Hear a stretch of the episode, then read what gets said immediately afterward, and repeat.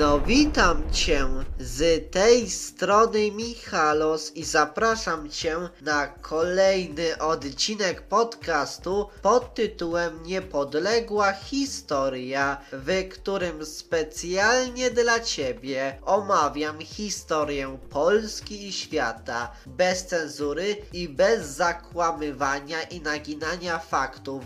A tematem tego odcinka będzie historia Wacława III, czyli króla Węgier i Chorwacji, władcy Czech i Polski. W 1298 roku Wacław III został przez ojca, czyli Wacława II, zaręczony z Elżbietą, córką Andrzeja III Arpada, króla Węgier. No a po jego śmierci w 1301 roku został 27 sierpnia tego roku koronowany na króla Węgier. No a koronacja ta doprowadziła do wojny domowej ze zwolennikami Karola Roberta Andegaweńskiego, który miał poparcie papiestwa.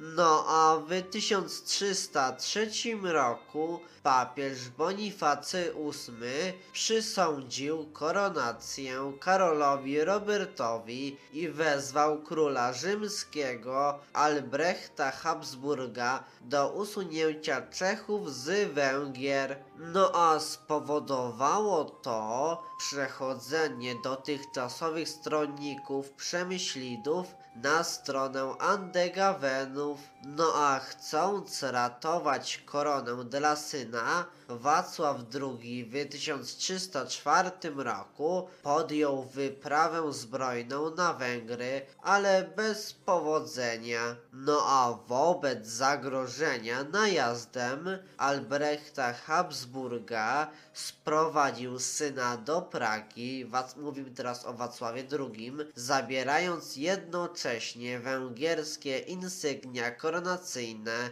no a z korony węgierskiej Wacław III, co ciekawe, zrezygnował jesienią w 1305 roku na rzecz Ottona, księcia bawarskiego, któremu też przekazał węgierskie klejnoty koronne. No a w 1305 roku, po śmierci swego ojca, szesnastoletni Wacław II został władcą dwóch państw, w których pozostało wiele nierozstrzygniętych spraw. No a w Czechach odsunął doradców ojca, a wpływy zyskali nowi doradcy i młodzi towarzysze króla. A właśnie wtedy, w tym czasie rozpoczęły się dzikie rządy, jak określiła to współczesna kronika. No bo Wacław II zaczął prowadzić życie rozwiązłe i swawolne, noce spędzać na pijatykach, które kończyły się wyprawami do miast i zabawami z praskimi ladacznicami, a współtowarzysze wykorzystywali upojenie władcy do wyłudzania nadań i przywilejów.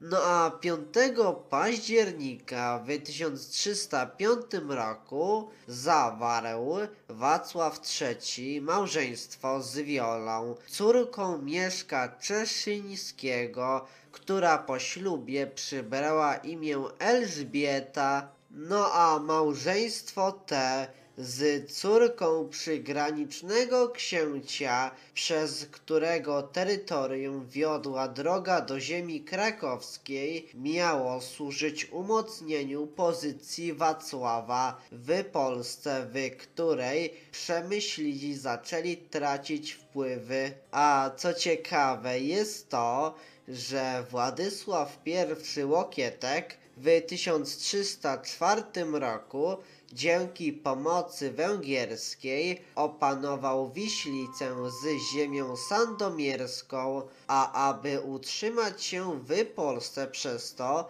Wacław rozpoczął współpracę z Krzyżakami, którzy dopomogli mu do zawarcia 26 stycznia w 1306 roku w Toruniu rozejmu z Łokietkiem, no a wcześniej 8 sierpnia w 1305 roku doszło do porozumienia z Brandenburgią, no a Wacław za miśnię i pomoc w Polsce zgodził się odstąpić Brandenburczykom Pomorze Gdańskie, a decyzje te nie przysporzyły mu zwolenników w Polsce, a Łokietek uzyskawszy wiosną w 1306 roku pomoc węgierską, zerwał porozumienie i opanował Kraków.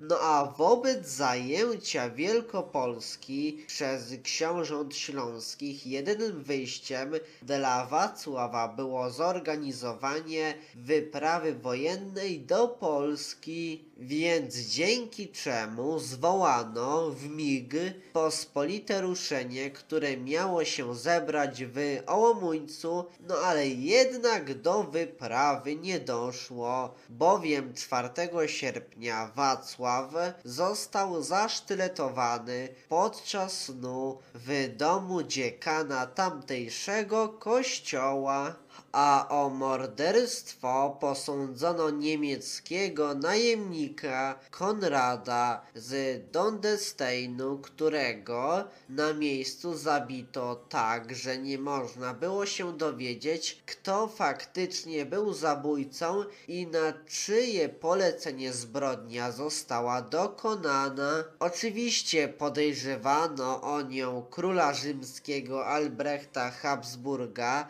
a także nawet Władysława Łokietka, któremu śmierć Wacława otworzyła drogę do zjednoczenia Polski. No ale odpowiedzialnością za popełnioną zbrodnię, co można znaleźć we współczesnych kronikach, obciążyć należy możnych czeskich odsuniętych od władzy oraz obawiających się utraty majątków i wpływów.